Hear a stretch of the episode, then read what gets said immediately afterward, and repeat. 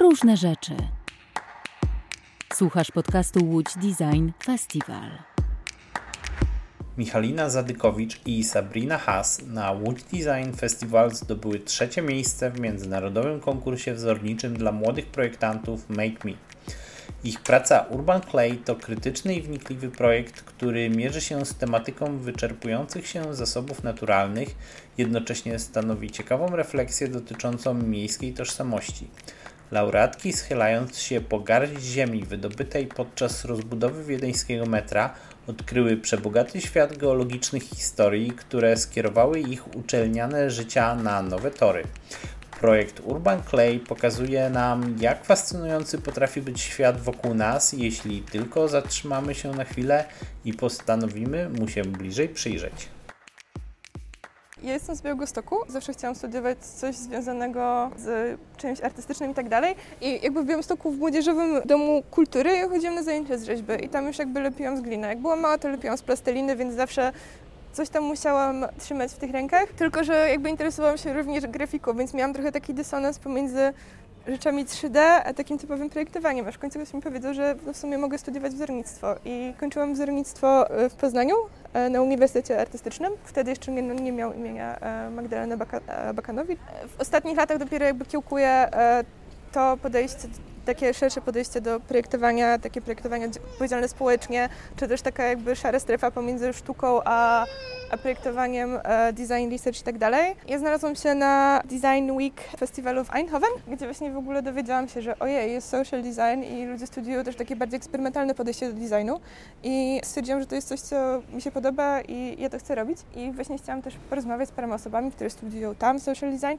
I przy okazji na jednym z właśnie eventów poznałam Sabrina, która mi powiedziała wtedy, jeszcze nie studiując sama social designu, że jest również e, taki kierunek w Wiedniu. To była taka decyzja, że stwierdziłam, że dobrze, no to złożę tam papiery i jakby do Wiednia dostałam się wcześniej i zdecydowałam się nie składać e, papierów do Holandii. I też Wiedeń bardziej mi się podobało wtedy jako miasto, czy jako kraj. Znałam trochę niemieckiego ze szkoły, więc stwierdziłam, że że to może być dobry kierunek. Na samych studiach po prostu e, Wiedeń jest takim miastem mocno związanym z rzemiosłem. Ten uniwersytet, e, na którym studiujemy, nazywa się Uniwersytet de Angewandte Kunst, czyli e, jakby Uniwersytet Sztuk Użytkowych i on jest obok Muzeum Sztuk Użytkowych więc cały czas jakby jest to, toczy się wszystko wokół designu i możemy sobie pójść do muzeum, obejrzeć jakieś starsze obiekty. No i poza tym warsztat ceramiki i pasja ludzi tam naprawdę trochę zawładnęły moim sercem i spędzałam z tym bardzo, bardzo dużo czasu. Studiując social design, przynajmniej w Wiedniu, w naszym doświadczeniu można zająć się przeróżnymi tematami.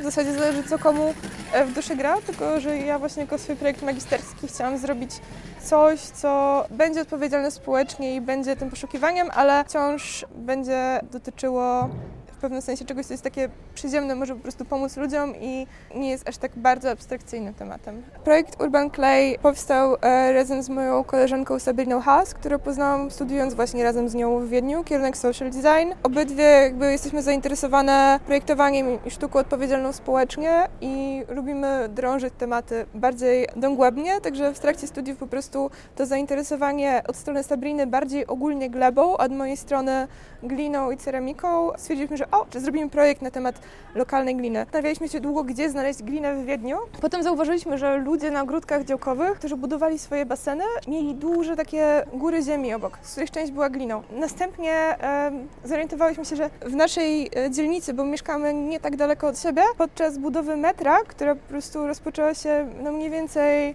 pół roku te, przed tym, jak ten, znaczy w naszej dzielnicy e, te budowy rozpoczęły się tak mniej więcej pół roku przed e, tym, jak zainicjowałyśmy ten projekt. Zobaczyłyśmy, że jest jakiś materiał i w końcu w pewnym momencie zapytałyśmy tych robotników na budowie, czy, czy to, co oni wydobywają tutaj, to jest glina, czy oni w ogóle znaleźli jakąś glinę. On mówi, że pewnie, tu jest cała góra gliny, możesz sobie wziąć ile tylko chcesz, przy czym każdy był zdziwiony, że chce zrobić z tego ceramikę. Jeżeli znajdzie się glinę w gdzieś e, w naturze, no to trzeba było przede wszystkim przetestować, zobaczyć jakie są właściwości materiału i tym się zajęłyśmy. W międzyczasie poznałyśmy również profesora Franza Otnera z Uniwersytetu Nauk Przyrodniczych w Wiedniu, który zajmuje się właśnie badaniem gliny i tam również badałyśmy ten materiał. On właśnie dzięki niemu dowiedziałyśmy się, że Wiedeń leży na warstwie skał osadowych głębokiej na 6 kilometrów z których większość to jest glina. I aktualnie, e, jeżeli chodzi o budowę e, metra, powstaje e, nowa linia U5 oraz przedłużona jest linia U2 i plany budowy, które jakby są dostępne ogólnie na stronie Wiednia pokazują, że tunele przebiegają przez złoża gliny, przez dawne cegielnie, które po prostu zostały pozamykane przez to, że miasto się rozrastało. Więc w projekcie, oprócz tego, że po prostu robimy ceramikę z tej gliny, dowiadujemy się, jakie ona ma właściwości, w pewnym sensie wydobywamy na nowo złoża, które zostały zapomniane przez e, rozwój miasta, więc jakby glina tutaj jest efektem ubocznym rozwoju miasta, ponieważ jakby jeżeli coś takiego, jeżeli ziemia na budowie jest wydobyta i nie może zostać użyta do wypełnienia ponownego, a glina niestety mm, przez to, że ma takie właściwości pęczniejące, szczególnie ta nasza, nasza w cudzysłowie, nie może być za bardzo wypełnieniem, więc nawet po rozmowie z, tam, e, z osobami na budowie, oni się sami zastanawiają, co z tym zrobić i większość tego ląduje na składowisku odpadów, ale odpadów typu gleba, że tak powiem. I trochę chciałyśmy właśnie prześledzić e, tę drogę, co się z tym dzieje i zaproponować, że może w przyszłości fajnie by było, gdyby więcej osób się zainteresowało badaniami w tym kierunku, zbadało ten materiał. Nie tylko dwie młode studentki, ale właśnie faktycznie miasto Wiedeń, które e, jest bardzo otwarte na podobne inicjatywy i może wtedy ten jakby łańcuch materiałów byłby jakoś tak lepiej domknięty. Ważnym aspektem jest tego, że właśnie ta glina jest wydobywana przy okazji. To nie jest tak, że po prostu znajdujemy nowe miejsce, gdzie jest złoże gliny, kopiemy nową dziurę w ziemi, przy okazji wykupując las, ale po prostu i tak to musi być gdzieś składowane. Dlaczego właśnie nie powstaje więcej projektów, które zainteresują się tym, znaczy są już niektóre projekty, które próbują, głównie jakby w, jakby w obszarze architektury, próbują dowiedzieć się, jak zagospodarować glinę na miejscu budowy, żeby jakby ten transport, żeby jak najmniej po prostu e, uciąć koszty, jeżeli chodzi o transport i składowanie tego, no bo przestrzeń też kosztuje. A to, co właśnie powiedziałeś o ceramice, to bardzo mi się podoba to spojrzenie na ceramikę, że ona jest takim trochę zwierciadłem tego, jakie są dostępne zasoby aktualnie. Bo e, jakby historycznie glina jest bardzo, bardzo, bardzo przywiązana do miejsca, w którym jest. To dlatego właśnie jakby jest chińska porcelana, bo tam są akurat takie materiały, dlatego nie wiem, w niektórych miejscach są głównie cegielnie, na przykład w Wiedniu są głównie cegielnie, a w innym miejscu po prostu są wyroby ceramiczne o innym kolorze i właściwościach, ale przez e, globalizację to jest całkowicie normalne, że na przykład w naszym uczelnianym e, warsztacie ceramiki mamy glinę sprowadzoną z Niemiec czy z Hiszpanii. Po prostu w najbliższej okolicy nie ma złóż, które dawałyby taką jasną glinę, która jest dość pożądana, jeżeli chodzi o sztukę ceramiki, ale właśnie chcemy się zastanowić, jak to by było, gdyby powrócić do tego, że właśnie te wyroby ceramiczne odzwierciedlają to, co jest tutaj w okolicy, także rozszerzając to o inne materiały. Bardzo lubię koncept urban mining, czyli tego, że jeżeli na przykład budynki są rozebrane, no to pozyskujemy z nich metale oraz inne materiały. Dlaczego na przykład to nie może być użyte do robienia e, szkliwa?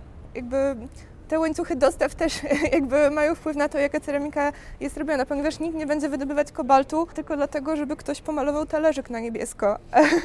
I jakby kobalt, e, lit e, są też rzeczy wydobywane do właśnie baterii samochodowych, baterii do smartfonów i tak dalej, ale przez to, że one są wydobywane, przy okazji jest wydobywana taka ceramika. Ostatnio przez e, COVID i cały ten zachwiany łańcuch dostaw, dużo dużych takich firm, jakby nie wiem, firmy samochodowe, czy nawet no, firmy zajmujące się ceramiką, ale na przykład, nie wiem, płytkami ceramicznymi, one pokupowały konkretne kopalnie, bądź jakby trzymają w swoich magazynach duże zasoby pewnych surowców i nie sprzedają tego do mniejszych dostawców. Przez to historycznie też zdarzały się takie sytuacje, że ktoś musiał całkowicie jakiś właśnie mniejszy twórca, nie mówię tutaj o, nie wiem, osobie, która ma po prostu swój warsztat, ale jakby te osoby też, ale właśnie jakiś taki mniejszy zakład musiał zmienić formuły, ponieważ nie miał dostępnego tego składnika przez jakiś czas. Na forach ceramicznych w Stanach przez ostatnie miesiące był duży problem e, z szkliwami takimi gotowymi, ponieważ właśnie brakowało tych surowców, bo firmy, że tak powiem, chomikowały je. Albo jest ogólny problem z surowcami, to znaczy, że również plastik poszedł w produkcję materiałów takich e, medycznych, czyli tych wszystkich probówek, testów covidowych i tak dalej, więc nikt nie robił butelki na szkliwo, czy jakichś właśnie narzędzi ceramicznych, tylko po prostu to poszło w inną stronę, ale przez to były braki. Tak samo jest problem z papierem i z wieloma innymi surowcami, które są, zdaje się, że co ma papier do ceramiki? No, jakby te produkty, które są gotowe dla jakichś takich właśnie mniejszych twórców, one są w opakowaniach. I tak to dalej jakby jest ten łańcuch zależności, który okazuje się, że no jakby wszystko jest zależne od wszystkiego. Cały czas siedzę w studiu ceramiki i próbuję dopracować te wszystkie przepisy na szkliwa, bo to nie jest tak, że po prostu wyciągnęłam glinę z ziemi i ona jest perfekcyjna, więc jakby pracuję nad tym, żeby te szkliwa zachowywały się jak najlepiej. Po prostu chcę dalej robić obiekty, właśnie trochę też bardziej w kierunku szkliw, bo na przykład to mi się bardziej aktualnie podoba i bardzo podoba mi się chemia związana ze szkliwami. Poza tym dalej próbujemy kopać głębiej, e, co się dzieje z tą gliną.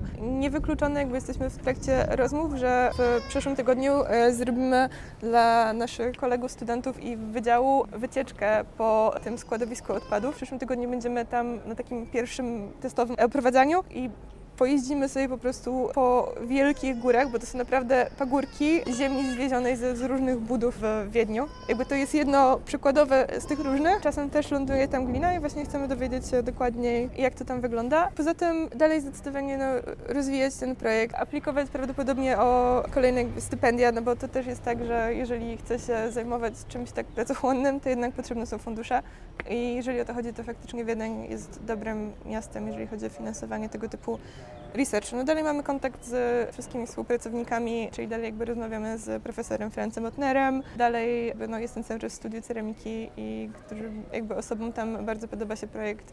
Jest zainteresowanie też jakby osób, które tam e, robią swoje projekty w wykorzystaniu też szkliw, więc no, to drobnymi kroczkami idzie jakby w pewnym kierunku. Nie mamy jeszcze dokładnie zakreślonego celu, ale staramy się. Dziękujemy za wysłuchanie. Więcej odcinków naszego podcastu znajdziesz na www.lotsdesign.com. Działamy dzięki wsparciu Łódzkiego Centrum Wydarzeń, Urzędu Miasta Łodzi oraz Ministerstwa Kultury i Dziedzictwa Narodowego dzięki środkom z Funduszu Promocji Kultury.